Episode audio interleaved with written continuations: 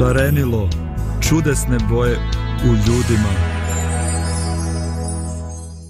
Dobro jutro, dragi slušalci i gledalci Radija Pomirenje.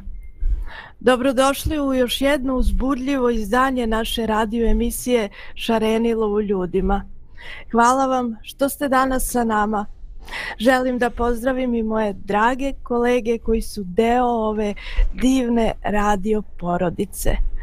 Zdravko, Milane, dobro jutro. Pozdrav, pozdrav Marija. Pozdrav Marija. Kako ste ovog sunčanog jutra? Uf, imaš neko lakše pitanje. Za vikend bilo neko zakašnjelo rezanje grožđa. Pa znaš ono, ništa teško, ali na stotine puta čučni ustani pokupi grane, pa sam nekako krepano, ono, standardno proljetno, ono, ovaj dok ne dođu ovaj salate, mladi luk i španač to ovaj nema one vitalnosti proljetne ako i bude u ovim godinama.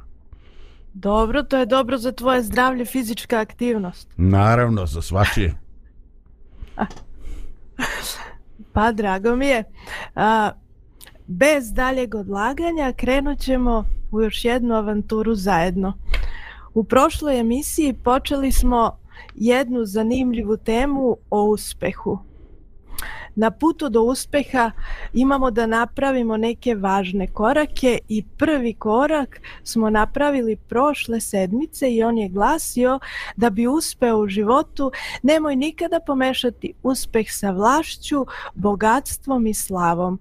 Ako se ponekada i susretnu ili preklope, to ne znači da su prijatelji. Danas ćemo do kraja emisije definisati drugi korak ili drugo važno načelo na ovom putu. Da bismo to uradili, danas ćemo pričati o našim važnim životnim ciljevima, velikim ciljevima koji često mogu da obeleže naše živote. I ono što je interesantno jeste da je mnogo onih ljudi koji nemaju nikakve životne ciljeve oko nas. A, možemo da vidimo primere da na primjer se bogati ljudi bore da uvećaju svoje bogatstvo, siromašni se bore da prežive, ljudi iz srednjeg staleža bole, bore se za svoju platu, za odmor, za razonodu i svi oni nalaze se u vrtlogu života ne znajući kuda će ih taj vrtlog odvesti. Međutim, e, na putu do uspeha veliki uticaj ima činjenica da imate određeni životni cilj. I većina ljudi koji su na našoj planeti učinili velika dela bili su obuzeti ciljem koji su izabrali. Zato bih ja voljela da danas sa svojim kolegama malo popričamo o našim velikim životnim ciljevima. Milane, zdravko, Imate li vi nekih velikih životnih ciljeva? Koji su vaši ciljevi ako smete da otkrijete? E, evo, Milan me gleda, a ja se već javio. Ovaj. Da čujemo tu tajnu. Veliki životni ciljevi sada ovaj... Daleko mikro. Što se tiče velikih životnih ciljeva, ne, ne znam da li ovaj, to možda kad smo mali imamo velike životne ciljeve, a što smo veći i stari, to su životni ciljevi manji. I na kraju životni cilj postane da mogu ustati iz kreveta jutros. ovaj, pa ne Nisi znam. toliko star, Milane. nisam, nisam. Samo kažem da više nisu velike, ne znam. um, pa ne znam. Veliki životni ciljevi jeste da ako Bog da da zasnovim porodicu i možda još eto da da istračim možda još jedan maraton u životu, eto toliko od mene. I šta ćeš onda kada ostvariš te ciljeve? onda ćemo da stvaramo nove. pa dobro, hvala ti. Pa sviđa mi se ovo što je rekao kolega. Ovaj, zaista ciljevi trebaju biti privremeni nekoj, nekoj životnoj dobi. Ovaj, evo ja sa 62 godine sam malo zakasnio za taj maraton. Osim neki paraolimpijski pojma, nemam neka posebna kategorija ovaj ali uf, ne znam ovaj uvijek postoji nešto što su dominantni ciljevi u životu, nešto što je čovjeku najvažnije i to se vremenom mijenja, transformiše se. Ovaj, tako da to zavisi od, od prioriteta koje čovjek ovaj, ima. Ali ovaj, e, e, ti si Marija spomenula jednu riječ koju ja sad više ne znam ponoviti, ali ovaj ne, re, nešto se rekla od prilike možda ti možeš da mi pomogneš. Kad se čovjek usredotoči znači kad se čovjek fokusira ovaj kad kad jednostavno svoju pažnju posveti ovaj nečemu. Ja sam stvarno fasciniran uh, onim šta postaje moguće kad se te neke uh, fizičke duhovne duševne sposobnosti čovjeka kad se ovaj usmjere i kad ovaj e, usredotoče se na nešto znači kad je čovjek e, usredotočen na jednu stvar, a onda sve ostalo su ovaj usputne, usputne stvari. Ovaj i odma mi se javlja ona misa ovaj e, kad Isus govori o molitvi. Kaže ne brinite se za sutra, ali se sutra brinite za at. Nemojte biti kao neznabošci koji ovaj tako glavna im je molitva da imaju sutra šta jesti, obući. A ako su u hladnim krajevima drva da se ne smrznu, kaže ovaj jer to sve ne zna borci ištu a zna otac nebeski da vama treba sve to. Nego išćete najprije carstvo Božijeg i pravde njegove a ovo će vam se dodati. Eto Marija mene to u ovoj fazi života kako god da je nazovemo a ne moramo se ni truditi da je nazovemo mene to fascinira ovaj carstvo Božjeg i pravde njegove a ostalo će biti nekako Mhm. Odlično. A, znači, došli smo do nekog, da kažemo, malog zaključka da je važno imati ciljeve u životu, barem neke ciljeve ka kojima težimo da ih ostvarimo. E sada, uh, ja bih voljela da vam ispričam jednu kratku priču koju sam pronašla o ciljevima. Jedan čovek koji se zvao Kenichi imao je jedan cilj koji je obeležio čitav njegov život. Ovo je za njega bio veliki cilj. Njegov cilj je bio da pronađe zlato. I verovao je da se to zlato nalazi negde u brdima. I 35 godina on je neumorno tragao po brdima Japana daleko od grada u kome je živeo. I ova priča kaže da on u tom traganju nije imao vremena ni za ženu, ni za prijatelje. I onda je u 65. godini života, znate šta se dogodilo? Našao je zlato. Našao je ono za čim je tragao. I konačno je dragoceno zlato bilo njegovo. Međutim, nakon postignutog cilja, on je rekao, najpre sam želeo biti bogat sada uviđam da zlato zaista ne znači jako puno. I ono što je interesantno jeste da ova priča kaže da je u traganju za zlatom izgubio svojih najboljih 35 godina kao i svoje prijatelje i dragoceno vreme sa svojom porodicom. I na kraju ovaj čovek je uvideo da ostvarenje ovog njegovog velikog životnog cilja jednostavno nije bilo vredno tolike žrtve. I meni je ovo bilo jako interesantno, pa sam htjela da sa vama o tome popričam i da podstaknem i naše slušaoce na razmišljanje a, da li ste vi nekada radili naporno da ostvarite neki svoj cilj, veliki životni cilj, da li ste podneli velika odricanja, veliku žrtvu, da bi na kraju uvideli da ti ciljevi nisu bili vredni tolike žrtve. Ti nas u stvari pitaš jesmo li se onako ovaj ispromašivali na dužnem vremenskom periodu. Pa, o, može i tako brutalno da se kaže. Da, da, da. ovaj, uh, pa jednostavno... Uh, ja ne znam da li, da li sam imao tako nešto sada da sam želio da postanem ovaj e, nešto atletičara, imao predispozicije za šah ili tako nešto pa se ispromašiva ali ovaj e, jednostavno neki životni promašaj su ovaj možda čak e, možda čak ovaj e, i u, i u porodici ovaj evo reći ću nešto onako, baš onako lično. Ovaj, mi e, dječaci dječaci, jeli, muška djeca, nekako po definiciji ovaj, e, smo tu definisani smo kao zaštitnici majke. I pošto otac radio ovaj, kao građevinski radnik, bio je puno na terenu, dolazio je mjesečno kući u boljem slučaju, mi smo još više bili upućeni na majku. Ovaj, I kad god je nešto ličilo o, na neko podijeljeno mišljenje, bez obzira što je moj utjecaj bio minoran, nikakav, ovaj, ja sam po nekom automatizmu ovaj, uvijek kao dječak stajao na strani majke, jer smatrao sam da tu, da ona treba da ima moju zaštitu. I onda je, e, prošlo je puno vremena, e, ja sam otišao od kuće, a onda moja e, brat i sestra koji su ostali počeli su da mi šalju određene signale ovaj, e, da to nije baš tako crno-bijelo. Ja sam to mogao da poslušam ili nisam mogao, uglavnom ja sam to ostavljao kao otvoreno pitanje.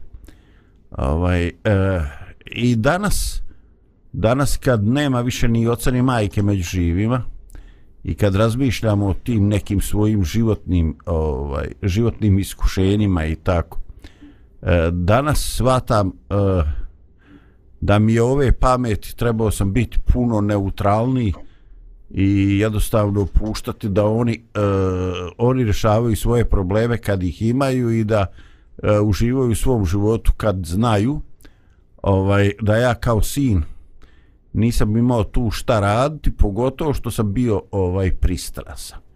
E, znači ja sam bio ovaj pristrasan na štetu na štetu svoga oca. I shvatio sam to kad sam već možda napunio blizu 50 godina. Ovaj e, i to je nešto onako što je pomalo porazno djelovalo na mene jer ovaj mene su svakako zvali nekad sam bio jako visok mršav e, rekli su da imam švrači vrat e, a, ali mi nikad nisu baš pričali da sam glup ali eto u nekim stvarima čovjek ispadne glup ovaj e, jednostavno danas bi svakom djetetu ovaj rekao jedino što je sigurno da treba uvijek dignuti glas protiv bilo kakvog oblika nasilja. U svemu ostalo mi ne treba se ni u šta miješati kad se radi o roditeljima. Hvala ti Zdravko što si podelio sa nama i sa našim slušalcima tako jedno stvarno intimno iskustvo iz tvog života. Verujem da nas sve interesuje i šta naš kolega Milan misli o ovome, ali pre nego što on kaže svoje mišljenje, ja predlažem da pređemo na jednu muzičku pauzu. Može.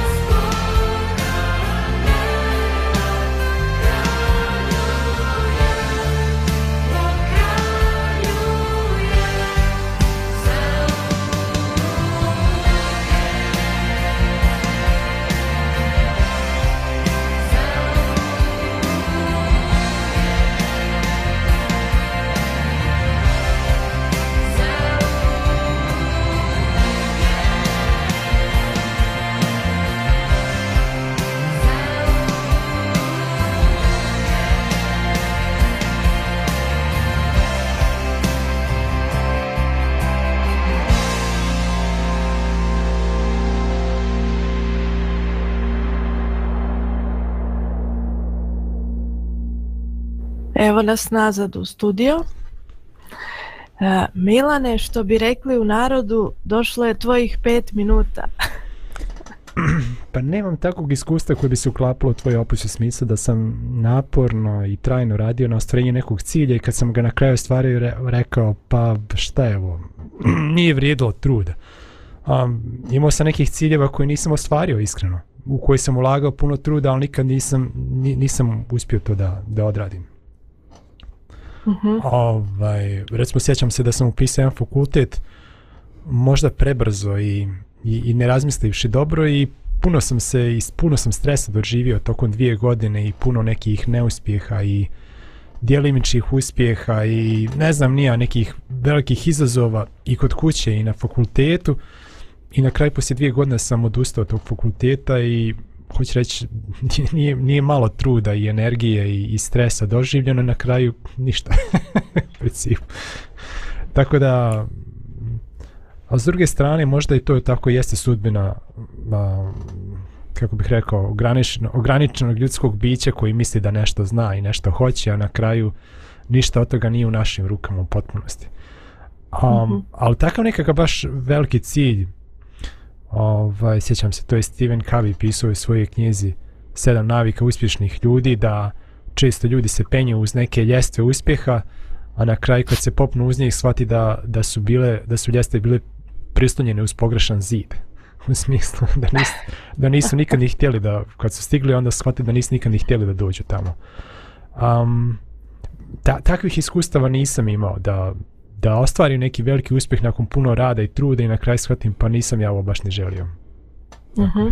a možda uh, da malo usmerimo u drugom pravcu, možda je ovo čak i realnije, da li ste nekada se žrtvovali za neke ciljeve koji su bili vredni u vašem životu, ali nisu bili vredni baš tolike žrtve? Ja dok sam o ovome razmišljala, setila sam se ovog posljednjeg fakulteta koji sam završila i kako a, sam žrtvovala svoj san i noćima nisam spavala i žrtvovala sam vrijeme sa svojom porodicom, sa svojim suprugom i a, posvetila sam se samo tome i posle toga se pitam da li bih ja postigla dobre rezultate i da nisam baš se toliko žrtvovala, da nisam toliko žrtvovala na neki način svoje zdravlje i svoje odnose koji su isto značajni kao i, i neki sada uspeh na fakultetu ili još značajniji od toga. Je to bilo pitanje? Možda je bolje pitanje koliko često se mi zapitamo da li su naši veliki ciljevi imaju uh, baš tolikog smisla da toliko žrtvu za njih podnesemo i da li se uvek zapitamo kada postavljamo ciljeve da li su oni zaista vredni ili da li su baš toliko vredni koliko ih mi smatramo ili o tome razmišljamo više kad do njih dođemo. Šta vi mislite o tome kroz vaše iskustvo? Mm, pazi Marija, sve je znači do motivacije. Motivacija je, e, se sastoji od određene procjene, znači od racionalnog dijela. E, to nam treba, treba nam ta realizacija, jer pretpostavljamo da ćemo s tom, e, s tom realizacijom doći u neku situaciju kad ćemo poboljšati neki svoj status ne znam šta, ovaj e, bolji posao, više novaca, više ugleda, lakši neki život, e, e, više slobodnog vremena, više zadovoljstva u ovaj više zadovoljstva u, u, u svakodnevici i tako. Ovaj, ali je osnovno pitanje što mi mnoge od tih ciljeva donosimo u doba kad smo uh, relativno dosta mladi, ovaj znači e, u, u koju ćeš srednju školu? Mislim majke ja ne znam koliko posto srednjoškolaca kad bira zanimanje i kad ga pitaju šta bi ti htio da budeš koliko on uopšte ima ikakvu predođbu o tome šta to ovaj zanimanje znači u praksi. Ili on jednostavno vidio neku či, vidio čiku ili tetu koja ima to zanimanje pa onda pošto su oni simpatični onda mislim da je to zanimanje tako dobro. Ovaj, znači često eh, mi eh, kad donosimo odluke nemamo prave informacije šta sa tom realizacijom dobijamo u smislu šta sve tu dolazi u paketu. Ovaj tako da ovaj ja znam eh, kad su kad sam ja bio onako ajde srednjoškolac onda se znalo ovaj postojali su neki onako veliki ciljevi ovaj to je mogao se na primjer biti inženjer ali da bi to postigao prije treba se trebao da budeš dobar tehničar. I to se znalo. Ono ovaj bio je mašinski tehničar, elektrotehničar, rudarski, šta znam, svašta se tu nabrajalo. I ovaj posle toga si mogao ići na fakultet i postići i tako. A onda sam kasnije slušao da mnoga od tih e, zanimanja, iako su to sutradan inženjeri, ovaj, da su oni e, vezani za šljem, za radničku cipelu i za prašinu na sličan način kao onaj što upravlja sa kranom ili sa bagerom ovaj uh, i neke mnoge druge stvari. Kasnije se pojavila mnoga potpuno nova zanimanja potpuno nove aktivnosti. Dakle e, čovjek kad donosi tako neki cilj on e, jako često ne zna u stvari šta on to želi i šta mu sve dođe zapakovano u tome što on ovaj što on hoće ili ka čemu se seže. A još više kao što je to bila možda spomenuo koje su to poteškoće ili šta će to sve biti usput što treba savladati da bi ti došao do pune realizacije toga cilja. I najgore od svega e, u mnogo, mnogo situacija mi bukvalno nismo nismo u prilici da se savjetujemo sa nekim ko je valjan izvor informacije znači bukvalno nemamo sa kim da se da se posavjetujemo. Ovaj i to je ono što je stvarno meni onako ovaj e, strava. Ovaj nekad sam razmišljao da je bilo dobro ovaj e, kad se kad se ljudima eh, nude neka zanimanja da se jednostavno pri završetku osnovne ili srednje škole ovaj umjesto ovim o, ekskurzijama da ljudi odu, da malo bude, budu sa tim ljudima, da vide kako će to izgledati u budućnosti, da vide jer i stvarno to privlači. Ne znam opet kakav bi bio rezultat da bi na kraju mogu da ga ubijediš da li, da li ga išta od toga privlači kad bi vidio šta to sve podrazumeva. Ovaj, tako da puno mi u životu mnogo više hodamo kao guske u magli nego što nam se to čini. Hvala, interesantno razmišljanje. Meni je zanimljivo u ovoj priči da mogli bismo da kažemo e, je jako važno postavljati ciljeve i nepostojanje jasnog životnog cilja može biti jednako štetno kao i težnja za pogrešnim ciljem, što smo videli kroz naš razgovor i ovu ilustraciju. I ja sam pronašla jedan članak u nemačkim novinama iz 81. godine koji je pisao da je osnovni uzrok dramatičnog porasta zloupotrebe droga, prestupa, depresije i besmislenog kriminala među mladima sve jači osjećaj besciljnosti. I ovo mi je bilo interesantno zato što ovi mladi ljudi nisu imali određeni cilj u svom životu. A, verovatno se ste svi čuli za Pascala, Blaise Pascal je napisao da veliki ljudi nisu oni koji imaju uh, više vrlina od prosečnih, već su oni koji imaju velike ciljeve. Jedan drugi autor je rekao kada se radi o ciljevima, izaberite ciljeve koji će vas primorati da prevaziđete sebe, koji će mobilisati vašu energiju, stimulisati vaše sposobnosti, razviti vašu volju i povećati vaš uspeh. Ako želite da uspete u životu, neophodan vam je cilj kome težite i koji okupira sve vaše snage, koji vas, cilj koji vas obuzima. Ovo posljednji jedan duhovni pisac rekao i jako zanimljivo i inspirativno i ja bih volela da se sada ovih sljedećih par trenutaka vratimo u davnu prošlost i da kratko analiziramo velike i vredne ciljeve kroz jedan biblijski događaj.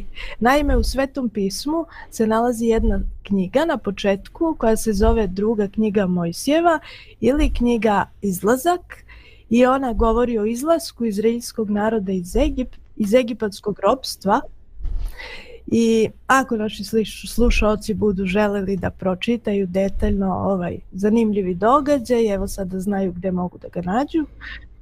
U ovom događaju Bog je obećao Izraeljcima da će ih osloboditi egipatskog ropstva i da će ih odvesti u Hanansku zemlju gde teče med i mleko. Ko Biblija kaže, i Hanan je postao njihov veliki cilj za kojim su oni čeznuli. I vi sada znate ovaj događaj pa bih ja volila da malo prodiskutujemo o tome kako je ovaj cilj, zaista veliki cilj, pokretao Izraelce u teškim vremenima i dok su bili uh, E, u Egiptu i čekali na izlazak i dok su kasnije hodali kroz pustinju prema tom cilju velikom koji, koji su imali. Pa mislim da, da je možda i bio problem što nisu imali taj cilj pred očima, već su samo gledali trenutne uh, trenutne probleme sa kojima se sučavaju. Da su imali cilj pred očima, Mojsije bi imao daleko manje problema da, da vodi izraelski narod.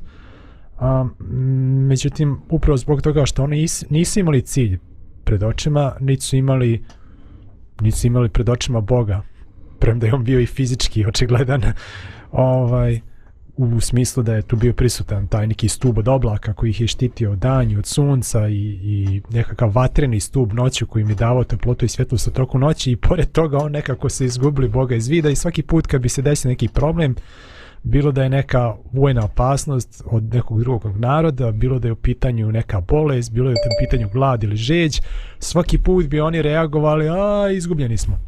I um, a, možda da su možda jednostavno oni nisu vidjeli sebe kao slobodan narod u novoj zemlji koju im Bog pripremio i stoga, i stoga im to nije ni značilo mnogo. Mo, možda je zato jako bitno stvarno imati pred očima budućnost, da kažem, mentalnim očima. Mm -hmm. Očima uma. Da da, da, da, da imamo gdje želimo da stignemo u, nekom, u nekoj budućnosti i kad stvari postanu teške sada da znamo zašto, zašto to podnosimo. A ako to izgubimo, ako izgubimo cilj iz vida, onda joj što bi ja se sad patio? Što, što ja sad moram da kroz ovo prolazim? Da.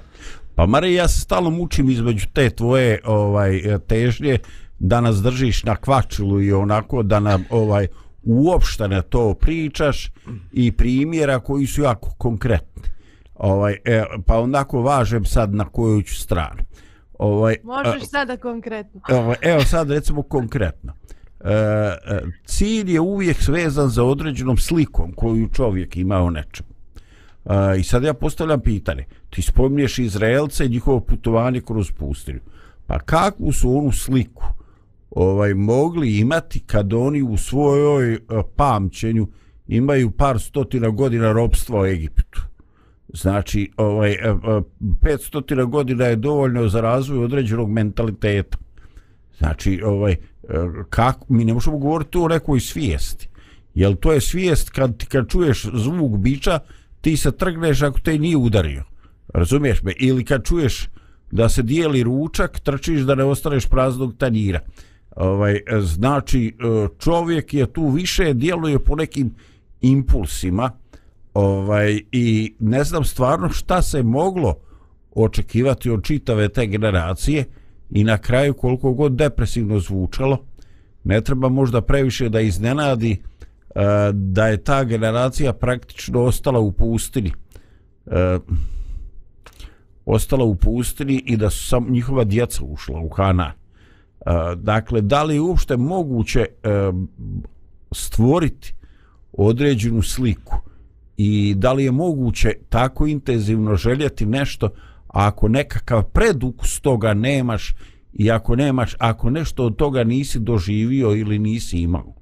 Ovaj oni to nisu imali i ovaj e, Boga su viđali su kao što kaže Milan Božiju Božje znakove Božjeg prisustva ali ovaj eh, isto tako su jako ovaj žestoko viđali svoje iskušenja i svoju glad i, i sve ono što su sve ono što je dolazilo na njih. a i njihov mentalitet je bio ropski mentalitet. Znači eh, mislim da oni nisu bili u stanu eh, da se u tom datom vremenu imaju snove. A snove ima samo um koji je slobodan koji je poletan i koji jednostavno ovaj iako sagledava stvarnost eh, stvara i neku imaginaciju koju od tadašnju sadašnju stvarnost prevazilazi i onda pronalazi eh, motive, načine, energije da nešto dogradi, da ugradi to da bi ta stvarnost koju on vidi postala bolja, ljepša, plemenitija. Oni nisu imali ni sliku i onda nije ni čudo što nisu imali energije da, da idu ka realizaciji te slike. Mm -hmm. baš, mi, baš su mi interesantni vaši komentari i evo kako je bogatstvo u, u ekipi. komentara u ekipi, u ekipi. Da. Meni je nekako izraelski narod jedna slika uh, koja može da predstavi kako izgleda i neko ko nema ciljeve, ali također i kako izgleda neko ko zaista ima životni cilj. Uh, vi ste opisali uh, kako kako izgleda životni put celog naroda koji nije mogao da stavi taj cilj kao prioritet i zato su 40 godina lutali pustinjom i ta generacija je umrla u pustinji iako mnogi izvešte kažu da su mnogo brže mogli da stignu na svoje odredište samo da su bili poslušni i, i da su zaista gledali u to Božje obećanje ali oni su ga očigledno često zaboravljali i zanemarivali. E sada ono što je meni interesantno oko upečatljivog gledanja u cilj jeste na kraju kada oni dođu do obećane zemlje i onda Isus Navin uh, šalje uhode i onda od njih 12 deset dolaze i kažu ne možemo da osvojimo zemlju, ti ljudi su ogromni, mi smo u odnosu na njih kao skakavci i prestrašeni su, a dvojica dolaze i kažu možemo možemo. Bo, gospod je obećao i mi možemo. I meni su uh, ti ljudi a, koji su došli i koji su rekli možemo zaista iako su videli isto što su videli i ovi ostali meni su nekako ti ljudi ostali tako upečatljivi da su oni više gledali u to Božje obećanje kao cilj e, da će on to ostvariti nego na sve prepreke i opasnosti na koje su nailazili na putu ne znam kakav je utisak na vas ostavilo to kada su se oni vratili iz izvidnice i kada, kada su imali drugačije mišljenje od ovih desetorice koji su rekli nema šanse da osvojimo tu zemlju. Uh, pa evo Marija priznaću ti ja već ovaj, pa možda godinu dvije ovaj, imam ja light motiv imam neku o, temu koja mi se stvarno vrti sad ne znam da li sam, da li sam ovaj sazrio, a sad ću neko reći, ajde pobogu brate, kad ćeš sazriti ako još nisi? Ovaj, da li sam sazrio da, da tu temu obradim kako treba?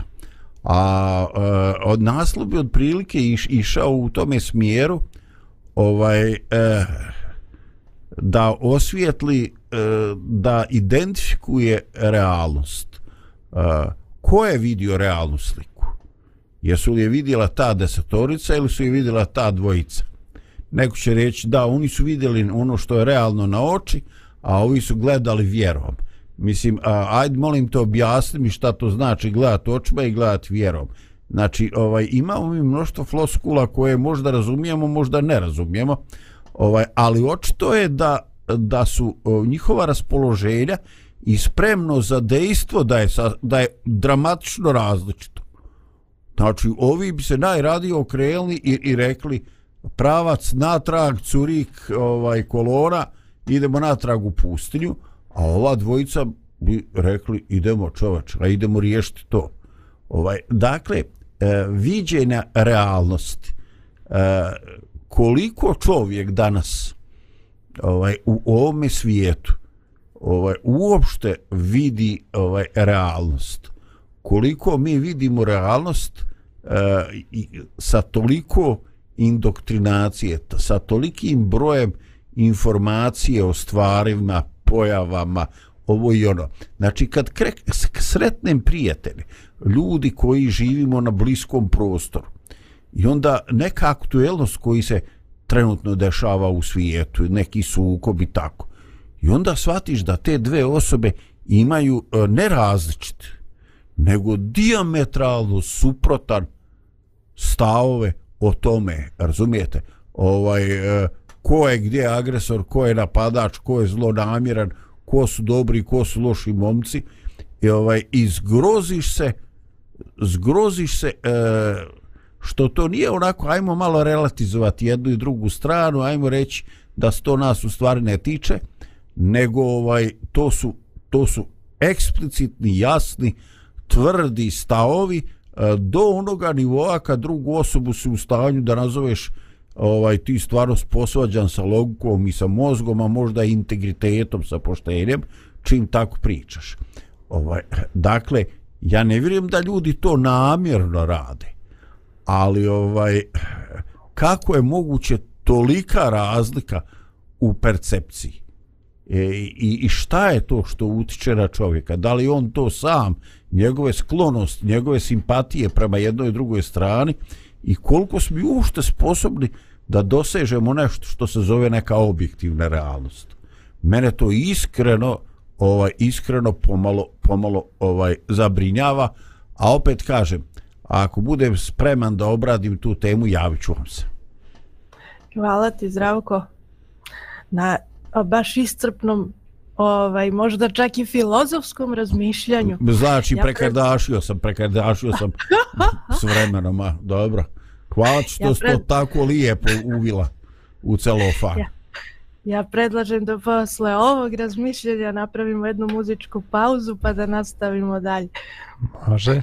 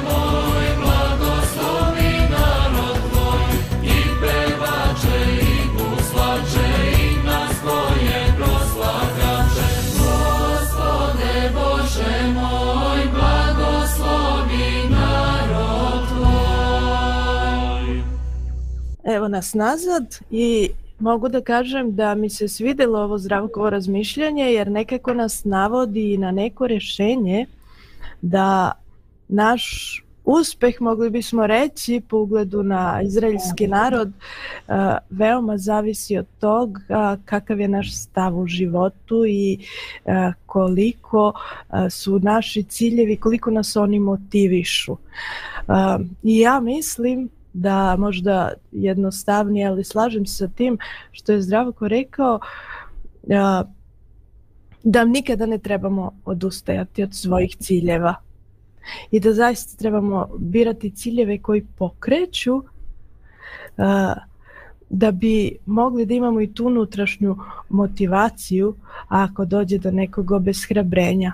E sada ono što je meni bilo interesantno sa ovim Izraelcima u pustinji na putu do Hanana, oni su putovali u zemlju obećanja u Hanan, a hrišćani Hrišćani se već 2000 godina kreću prema carstvu koje je Bog obećao. I na početku je zdravko pomenuo čak i neke stihove i neke takve ciljeve. Ja mogu reći da pored svih važnih ciljeva u mom životu, ipak zemlja obećanja, Novi Jerusalim, o kome apostol Jovan piše u otkrivenju Jovanovom u poslednjoj knjizi Biblije jeste ultimativni cilj barem za moj život. I mnogo je prepreka na tom putu. Kao što smo videli iz primjera Izraeljaca, a, i u našem životu može, mogu se dogoditi dosta pobuna, vraćanja unazad i put jednog, jednog hrišćanina nije posut laticama ruže a, novi problemi će iskrsavati, ali obećanje koje je gospod dao će se svakako ispuniti. I a, ja sam ovde ostavila jedan stih apostola Pavla koji mene jako inspiriše, a zapisan je u poslanici jevrejima i on također svedoči ovome i kaže još malo, vrlo malo, pa će doći onaj koji treba da dođe i neće odocniti. Kako se vi osjećate u studiju kada razmišljate o ovom ultimativnom cilju? Verujem da ovo može da bude ultimativni cilj za svakog hrišćanina. Ja se u studiju osjećam kao i van studija. Ja bi nekako ja bi nekako Valja da tako tu, gladno. Da, ja bi nekako da tu prođem, ovaj i mislim da sam jednom u emisiji to ovaj da sam jednom u emisiji to već spomenuo. Ovaj e, davne davne godine kad je bila ona nestašica benzina, pa problemi sa gradskim prevozom, ja se našao u Beogradu i tad sam gledao neku scenu ovaj e, stravičnih napora ljudi da uđu u te e, tramvaje i trolejbus. Ovaj i onda kad je već nije se moglo ući, onda još vise na vratima. Ovaj onda neki ljudi razmišljaju sad vjerojatno ako sad ovaj krene, ovaj čiča neće uspjeti da se da se drži, pa će usput do sljedeće stanice otpašće negde, razumijete? I onda pritiči neki mladi čovek i onda onog čiču gura, gura u leđa da onako malo pritvori vrata koliko toliko. I meni je to ostalo u sjećanju rad toga što ja to povezujem sa svojim ulaskom ovaj, u carstvo nebesko. Eto, Marija, to je neki moderni izraz, ultimativno ovo i ono, ali se slažem sa zra, značenjem. Znači, ja bi, ja bi da uđem u carstvo nebesko kao, makar kao oni u beogradski tramvaj, tih davnih prije 20 i više godina i 30 ovaj pa makar me ne, dvojica gurali da bi za, za mnom zatvorili vrata. A razumiješ? Znači ono kao kao poslednji kao ovaj kakvo sjedište kakvo na jednoj nozi da stoji sve je nebitno. Ovaj i jednostavno na tom putu mnoge stvari ti kažeš nije, nije to laticama ruže ovaj, postoje neki jednostavni kriterijumi. eto ja se sjećim pokojnog patrijarha Pavla i on kaže, pa budite ljudi. A, a, zubeš, mislim, ne treba mnogo filozofirati, ako ti rekla da sam ja na trenutak dotak, dotakao razmišljanje. Ovaj, ja volim da kažem nešto što je razumljivo svakom seljaku. Ovaj, vjeruj mi, svi mi dobro razumijemo to budite ljudi. E, to je neki kriterijum, neki pokazatelj kakav je naš status na tome putu. A ako budemo birali svoje ciljeve, problem je što mi sutra nećemo biti ono što smo danas. I može se desiti da se ciljevi transformišu. A ako je naš cilj, Bože nek bude volja tvoja, ovaj, onda tu nema razočarenja. On se može i tiho mijenjati, transformisati i dobijati nove oblike i ništa neće biti izdajstvo ideala i ciljeva. Mi ćemo samo bolje razumijevati, biti zreli i biti, biti bliže, bliže tome. Mm -hmm. Hvala ti. Milane, jesi li tu? Tu sam. ovaj, pa ja sam već jednom rekao u emisiji, ponovit ću još jednom, ovaj, bilo kakav cilj koji bismo ostvarili na ovoj zemlji, a da ne ostvarimo taj konačni, najvažniji cilj, a to je da budemo u carstvu nebeskom, um, te druge ciljeve čini potpuno beznačajnim. Bilo šta što bismo ostvarili na ovom svijetu, a da ne uđemo u carstvo nebesko, je beznačajno. Zato što je to privremeno i um, ima dosega do, do i, i ograničenog i vremenskog prostora, vremenskog okvira i dosega do ograničenog broja ljudi, dok ako uđemo u carstvo nebesko, to, to nema ograničenja. um, tako da mislim da, da tako treba gledati ciljeve, da svaki drugi cilj, ako bi nas obuzeo želja da, neka žarka želja da ostvarimo neki ovozemaljski cilj, i zbog toga moramo da žrtvujemo naš odnos sa Bogom i ono nebesko, možda treba da preispitamo svoje prioritete i da, i da carstvo nebesko uzimamo kao najviši prioritet. Makar to znači da se odreknemo naših snova, uh, makar to znači da se odreknemo um, svih naših želja za, za, za nekim lijepim, ugodnim životom na ovoj zemlji, pa može čak i same želje za životom. To ne znači da ćemo mi, da će od nas biti traženo da to zaista i uradimo, da se odreknemo nekih dobrih ciljeva pa da i pa i samog života. Uh, I uglavnom to se, to se od nas i ne traži, ali ponekad, ako zatreba i ako se zatraži da budemo spremni na to. Um, i, možda, I možda zato i kad pravimo ciljeve na ovoj zemlji, um, to je bila i moja greška. Um, zato što sam pravio neke ciljeve, a nisam, nisam tražio Boži savjet i Boži vodstvo u tome. I onda sam morao da lupam glavom od zid. Mislim da je, s obzirom, ako, ako pripadamo Bogu, ako smo odlučili da stavimo Boga i da, da budemo stanovnici njegovog carstva, onda, onda je Bog gospodar našeg života, je tako? I onda treba da pred njega stavimo svoje želje i planove, a dajući njegovoj mudrosti i znajući da nas on voli daleko više nego naši ovozemaljski roditelji, da dopustimo njemu da vodi naš život. I da oni ciljevi koji su vrijedni ostvarenja, da, da on otvori vrata da budu ostvareni, a da oni koji su možda štetni po nas, da, da on ta, ta vrata zatvori. Eto, došli smo brzo i do kraja naše emisije i ja bih voljela da nekako zaokružimo i pripremila sam uz ovo načelo koje e, smo na neki način i definisali i jednu misao. Na kraju možemo da kažemo da je zaista život jedna prava trka i svi učestvuju u toj trci, želili to ili ne.